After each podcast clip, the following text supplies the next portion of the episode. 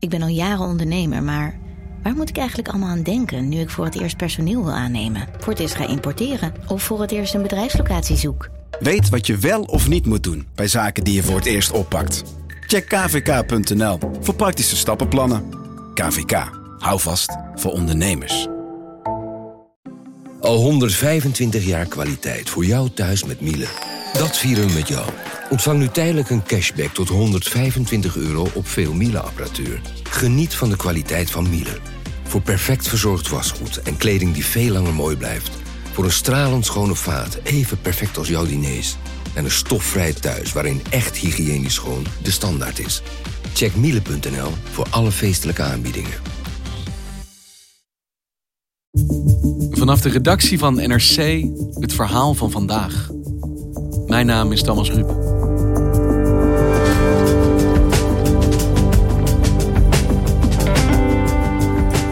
Vandaag viert de NAVO in Londen zijn 70-jarig bestaan. Tijd voor een feestje? Moi. Zelden waren de leiders van de landen het zo met elkaar oneens. En liever brengen ze zo min mogelijk tijd met elkaar door. Het is niet de eerste crisis die de organisatie doormaakt. Maar is er nu meer aan de hand?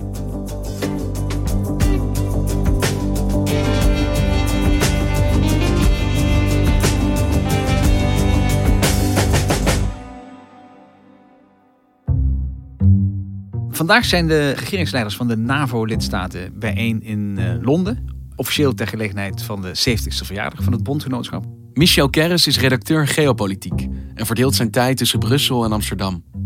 Er is vanavond in Buckingham Palace een receptie en morgen is er een reguliere vergadering. En 70 jaar NAVO, dat is een feestelijk moment. Ja, dat zou je wel verwachten. Het is een echt groot jubileum. Maar in de NAVO is niemand eh, echt eh, in een feeststemming. En wat ze gedaan hebben, ze hebben dat feestje steeds kleiner en steeds kleiner gemaakt. Dus normaal zou je verwachten dat de belangrijkste lidstaat iedereen zou uitnodigen op een groot officiële NAVO-top met alle festiviteiten in Washington. Nou, Want de belangrijkste is de VS. Ja, maar dat uh, zag niemand zitten. Dus toen heeft uiteindelijk heeft Londen gezegd van nou goed, weet, dan kom maar naar ons. Dan doen we een diner in Buckingham Palace en dan een fatsoenlijke vergadering uh, erachteraan. En inmiddels zijn de spanningen zo hoog opgelopen dat iedereen uh, zo kort mogelijk bij elkaar wil zijn. Dus het diner in Buckingham Palace vanavond is vervangen door een receptie. En wat ook opvalt is dat er dan morgenochtend is er een werkvergadering. En normaal gesproken wordt die dan uh, afgerond met een lunch voor de regeringsleiders. Dat ze nog even informeel met elkaar kunnen praten. Maar deze keer zag ik is er ook geen lunch voorzien. Jeetje, het is echt zo'n pijnlijk verjaardagsfeest met allemaal gebrouilleerde familieleden die eigenlijk liever niet in één ruimte met elkaar willen zijn. Precies. Je moet je het voorstellen, dat is een grote club van eh, 29 landen. Die zitten daar om tafel. En er lopen allemaal breuklijnen tussendoor. Allemaal partijen die andere opvattingen hebben over de toekomst van de NAVO. Die andere belangen hebben bij de NAVO. En dat is allemaal nu tot een kookpunt gekomen toen de Franse president Macron in een interview met The Economist de NAVO ook officieel hersendood verklaarde. The French president Emmanuel Macron noemde het bondgenootschap vorige maand nog brain dead. The brain death of NATO. Door alle geruzie over bijvoorbeeld de defensieuitgaven. Hoe werd erop gereageerd door de andere NAVO-landen? Ja, de NAVO-landen waren ziedend uh, dat hij zo hard publiekelijk tegen de NAVO tekeer ging. En wat je moet zien is dat de NAVO heeft één belangrijke eigenschap en dat is de eenheid. He, ze willen uh, afschrikking. Dus ze willen ervoor zorgen dat buiten de NAVO alle landen denken... Uh, je uh, moet met die NAVO, daar moet je van afblijven. En als je dus interne verdeeldheid laat zien, heel groot, dan breek je die eenheid af. En dan daalt ook als het ware die afschrikking. En dan is natuurlijk iemand die zegt, ja de zaak is hersendood. Is natuurlijk het slechtste wat je kunt hebben. Dus de NAVO is nu 70 jaar oud geworden. Een, bijzondere leeftijd, een, prestatie denk ik. Maar dat gebeurt dus in een tijd dat de Franse president zegt... de NAVO is hersendood. En eigenlijk die leiders niet langer dan nodig bij elkaar willen zijn voor een viering. Ja. Hoe is dit nou zover gekomen? Je moet even teruggaan naar het einde van de Tweede Wereldoorlog. On April 4th, 1949, the North Atlantic Treaty was signed by Norway, Denmark, the Netherlands, Belgium, Luxembourg, France, Italy, Portugal, the United Kingdom, Iceland, Canada and the United States. Europa lag in puin. De Verenigde Staten waren de grote winnaar. En die Europese landen dachten, wij moeten samen proberen een toekomstvorm te geven. Dus ze zochten aansluiting bij elkaar en bij de Verenigde Staten. This union of 12 nations became known as the North Atlantic Treaty Organization. Or more simply, NATO. En de kern was dat beroemde artikel 5, dus waarin die onderlinge solidariteit is vastgelegd. An attack against one would be an attack against all. Een aanval op één land wordt gezien automatisch een aanval op allemaal en zal dus ook een antwoord van alle landen gezamenlijk eh, vereisen. Dus met name de Europeanen die steun van de VS wilden vasthouden. Het was namelijk eigenlijk helemaal niet zo normaal dat de Verenigde Staten zich met de wereldpolitiek bemoeiden. En nu ze dat uh, met groot uh, succes gedaan hadden uh, in Europa, dachten de Europeanen van hé, hey, we moeten die grote broer wel even aan ons weten te binden. En de Amerikanen gingen daarmee akkoord en dachten eigenlijk van nou, we doen dit een jaar of twintig en dan kunnen die Europeanen wel op eigen benen staan. Op de vergadering die gepresideerd werd door minister Johnson werd volledige overeenstemming bereikt ten aanzien van de verdediging van het West-Europese vasteland binnen het kader van het Atlantisch Pact. En ze hadden een gezamenlijk belang, namelijk zich te verdedigen tegen eh, de Sovjet-Unie. Die Sovjet-Unie, die gezamenlijke vijand, die smeden die landen eigenlijk aan één. En die NAVO ontwikkelde zich natuurlijk ook in de loop der decennia. De Berlijnse muur viel in 1989. Eh, Mr. Gorbachev, tear down this wall.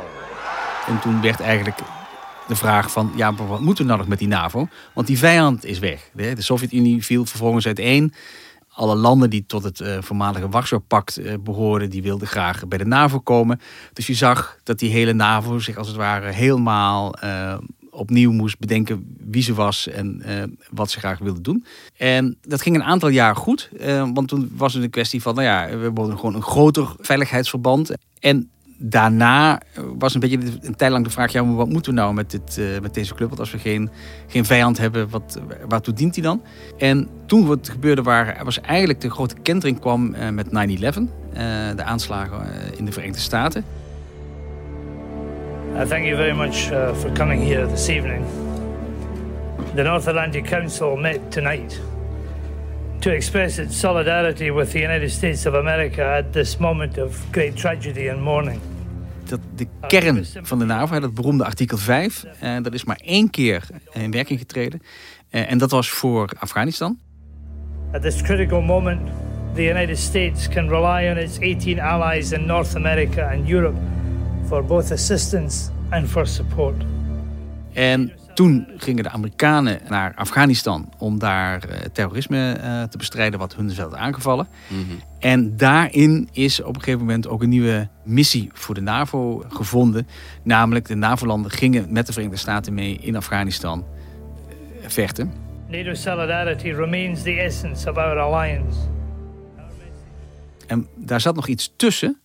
Namelijk een enorme ruzie binnen de NAVO over het feit dat Bush niet alleen in Afghanistan oorlog willen voeren, maar ook in Irak. President Bush is vastbesloten Saddam te ontwapenen, hoeveel weerstand hij ook ondervindt.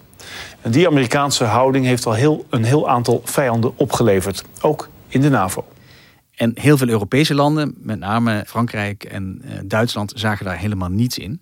En dat leidde al een keer tot een enorme ruzie binnen de NAVO. Zo erg dat de Amerikaanse NAVO-ambassadeur al zei dat de NAVO is nu op sterven na dood. En die crisis hebben ze eigenlijk een beetje weten te op te lossen door dan maar gezamenlijk actief te worden uh, in Afghanistan. En dat is een nieuwe werkwijze eigenlijk voor die club die gewend was te bestaan om zichzelf te kunnen beschermen. Precies. Eh, oorspronkelijk was natuurlijk het werkgebied van de NAVO was uh, Noordwest-Europa. En nu werd opeens de, de veiligheid van Noordwest-Europa werd helemaal in Afghanistan verdedigd. En er kwam nog een belangrijk moment in 2014. Want toen was opeens Rusland terug. De Krim is officieel geannexeerd door Rusland. President Poetin heeft vrijdag zijn handtekening gezet onder de wet die de inlijving mogelijk maakt. Rusland annexeerde de Krim en mengde zich in de burgeroorlog in Oekraïne. En toen dachten die Oost-Europese landen, ja maar wacht even, als Rusland zomaar op een achternamiddag de Krim kan annexeren en zich met Oekraïne kan bemoeien, wie weet hoe het dan met onze veiligheid gesteld is. En toen had de NAVO opeens weer een nieuw doel, namelijk die hernieuwde Russische nou ja, agressie of assertiviteit, hoe je het ook precies wil omschrijven. In ieder geval was zo dat de Oost-Europese landen toen in Brussel zeiden van ja, maar hallo, wij moeten wel goed verdedigd worden. Dus toen zag je daarna, in de jaren daarna, dat alles waren die al die oude Koude Oorlogsplannen, die hebben ze gewoon letterlijk uit de kast gepakt en gedacht van oké, wij moeten nu weer tanks van het westen naar Oost-Europa zien te brengen. Dus NAVO had een duidelijk doel weer gevonden. En toen, net toen dat als het ware dat zelfvertrouwen weer een beetje in die club terugkwam, toen... NATO is, is obsolete, it's old, it's fat, it's sloppy. Toen kwam president Trump en die zei van luister eens even, jullie Europeanen geven te weinig geld uit. I have been very, very direct in saying that NATO members must finally contribute their fair share and meet their financial obligations. En dat is een debat dat was al, al 15 jaar oud. En hij heeft dat met heel veel verven op Trumpiaanse wijze op tafel gelegd. En daar echt gewoon die uh, Europese regeringsleiders als kleine kleuters behandeld op uh, diverse NAVO-toppen. En je zegt de NAVO bestaat bij gratie van die eenheid. Ja. Wat betekent het aantreden van Trump voor dat gevoel van eenheid binnen de NAVO? Nou, omdat hij zo hard tekeer ging en tegelijkertijd ook een soort van twijfel zaaide over uh, zijn uh, geloof in die NAVO, dacht iedereen van, oh jee, wat is hier aan de hand? We hebben dus de, verweg de grootste partij. Zonder uh, de Verenigde Staten kan Europa zich niet verdedigen. En wat hij deed, is hij aarzelde in het begin heel lang voordat hij zelf zei van oké, okay, ik geloof in dat artikel 5, hè, in die beroemde solidariteit. Dat heeft hij uiteindelijk wel gedaan. I said it was obsolete. It's no longer obsolete. Maar er is toch zo'n zaadje van uh, ongenoegen, van twijfel is gezaaid. En op een of andere manier is dat blijven hangen. Toch van ja, als puntje bij paaltje komt, kunnen we dan nog wel op deze man rekenen, ja of nee? En die Zeiten, in denen we ons op andere völlig verlassen konnten, die zijn een stuk voorbij. Vanzelfsprekend eensgezindheid is dus wat op het spel staat. En dat is een van de dingen ook waar Macron zijn uh, hersendood-opmerking vandaan kwam. Ja, maar tegelijkertijd, als hij zoiets zegt, dan toont dat toch ook aan die eensgezindheid. Maakt hij het probleem dan niet alleen maar groter door dit zo te zeggen? Daar kun je op twee manieren naar kijken. Sommige mensen zeiden van ja, oké, dit is natuurlijk weer typisch een Franse president. Hier moet ik weer de Franse president uithangen. Hè. Laten zien dat hij uh, een beetje zelfstandig is en een beetje naast die NAVO kan opereren en zelf ook wat voorstelt. Ja, dat is één interpretatie. Een andere interpretatie is dat hij de vinger op de zere plek legt. Want het wordt hoog tijd dat die NAVO zich nog een keer afvraagt: oké, waar zijn we er nou voor?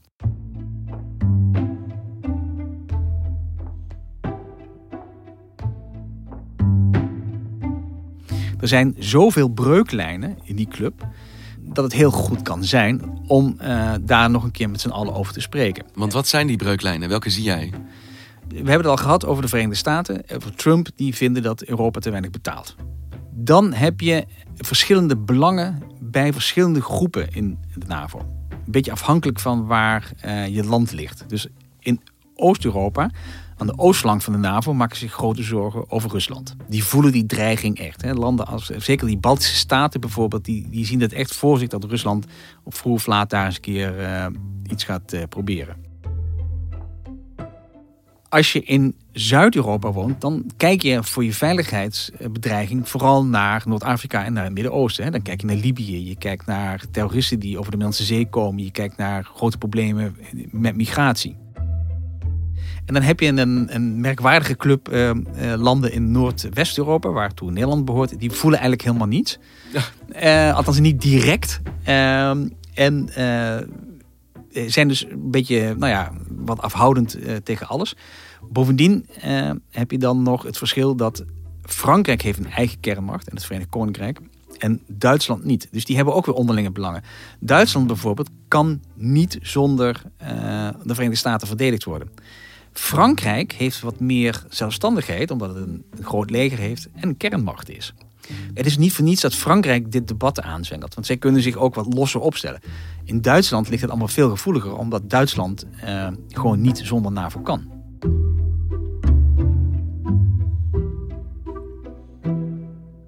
Er is nog één belangrijk land wat we uh, moeten noemen. En dat is namelijk ook het land dat deze onmiddellijke crisis uh, heeft helpen veroorzaken. Dat is Turkije.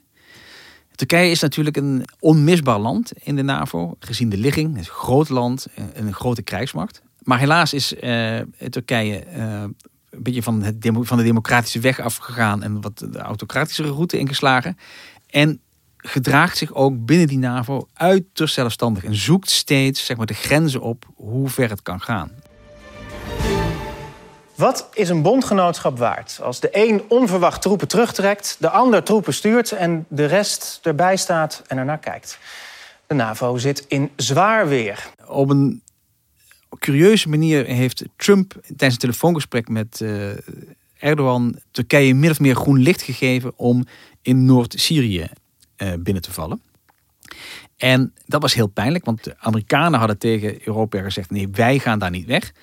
En iedereen dacht van, nou ja, dan, dan blijft het zoals het is. En plotseling maakte Trump letterlijk even plaats, zodat Erdogan er even naar binnen kon. Nou, dat uh, is iets wat je natuurlijk in een uh, strategisch verbond, waar je alles samen doet, niet doet. En Macron heeft dat goed op de spits gedreven te zeggen van, stel je nou eens voor dat Erdogan hiermee een aanval van Assad had uitgelokt op Turkije. Moeten wij dan Turkije gaan verdedigen? En door het zo op de spits te drijven, voel je dat het misschien heel goed is als die NAVO ons met zichzelf uh, in gesprek gaat. Ja, en daar lijkt mij dat vandaag zo'n dag is, weet je, als ze bij elkaar komen in Londen, om dat te doen. Of is hier nog wel sprake van een bondgenootschap? Als ze eigenlijk nauwelijks geprikkeld kunnen worden om langer dan een paar uur met elkaar door te brengen op zo'n dag. Nou ja, kijk, we moeten zien hoe het zal gaan. Sinds Macron die opmerking gemaakt heeft, is er veel eh, diplomatiek verkeer eh, geweest. En veel mensen hebben stelling genomen. Dus de Oost-Europeanen hebben gezegd, wij vinden dat een onacceptabele uitspraak. Duitsland heeft gezegd, wij zien dat niet zo. Wij zien wel dat er problemen zijn, maar we vinden de organisatie zeker niet hersendood. Uh, Angela Merkel, uh, bondskanselier, heeft deze week nog gezegd van uh, Turkije hoort hoe dan ook bij de NAVO. Om, om, te zorgen dat daar dat niet nog verder uit de hand liep. Maar Macron heeft in een persconferentie heel duidelijk gemaakt, eind vorige week, dat hij al deze issues wel duidelijk op tafel wil hebben. Dus hij wil echt een diepgaand strategisch debat. En hij stelt dus ook hardop de vraag van ja, wie is nou onze vijand? Is dat nou Rusland? Is het het terrorisme? Is dat nou China? Waar moeten we ons op richten? En Macron heeft om de zaak nog wat spannender te maken voor de komende dagen nog iets gedaan wat een beetje ongebruikelijk is. Wat dan? Hij heeft een brief gestuurd aan Poetin. Kijk, Macron pleit al een tijdje ervoor dat Europa toenadering zoekt tot Rusland. En zijn verhaal is, als Rusland is eigenlijk een Europees land, behoort een Europese partner te zijn. We moeten voorkomen dat Rusland straks kiest voor China. dat die twee samen één blok vormen en dat wij eh, één blok vormen. Dus om dat te voorkomen is het belangrijk dat wij op een of andere manier de banden met Rusland weer aanhalen. Dus kan het zomaar zijn dat we dan op dit moment terugkijken en we zien hier dat de NAVO weer een soort nieuwe fase ingaat, zoals dat in de geschiedenis dus al een aantal keer is gebeurd? Dat zo'n crisis uiteindelijk tot een soort nieuw bestaansrecht leidt? Nou, ik verwacht in ieder geval een, uitermate uh, spannende bijeenkomsten vanavond en, uh, en morgen. Vooralsnog is de controverse groot. Maar er is ook al een voorstel gedaan om bijvoorbeeld van, van de Duitse kant om een soort commissie van wijzen in te stellen die dit debat eh, in goede banen moet leiden en die met nieuwe voorstellen moet komen. Dus als het die kant op gaat, dan is er wellicht ook nog wel enige harmonie.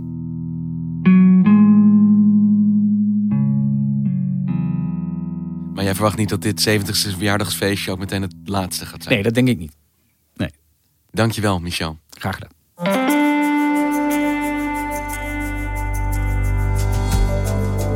Je luisterde naar vandaag, podcast van NRC.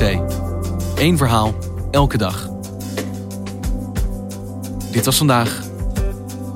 Morgen weer.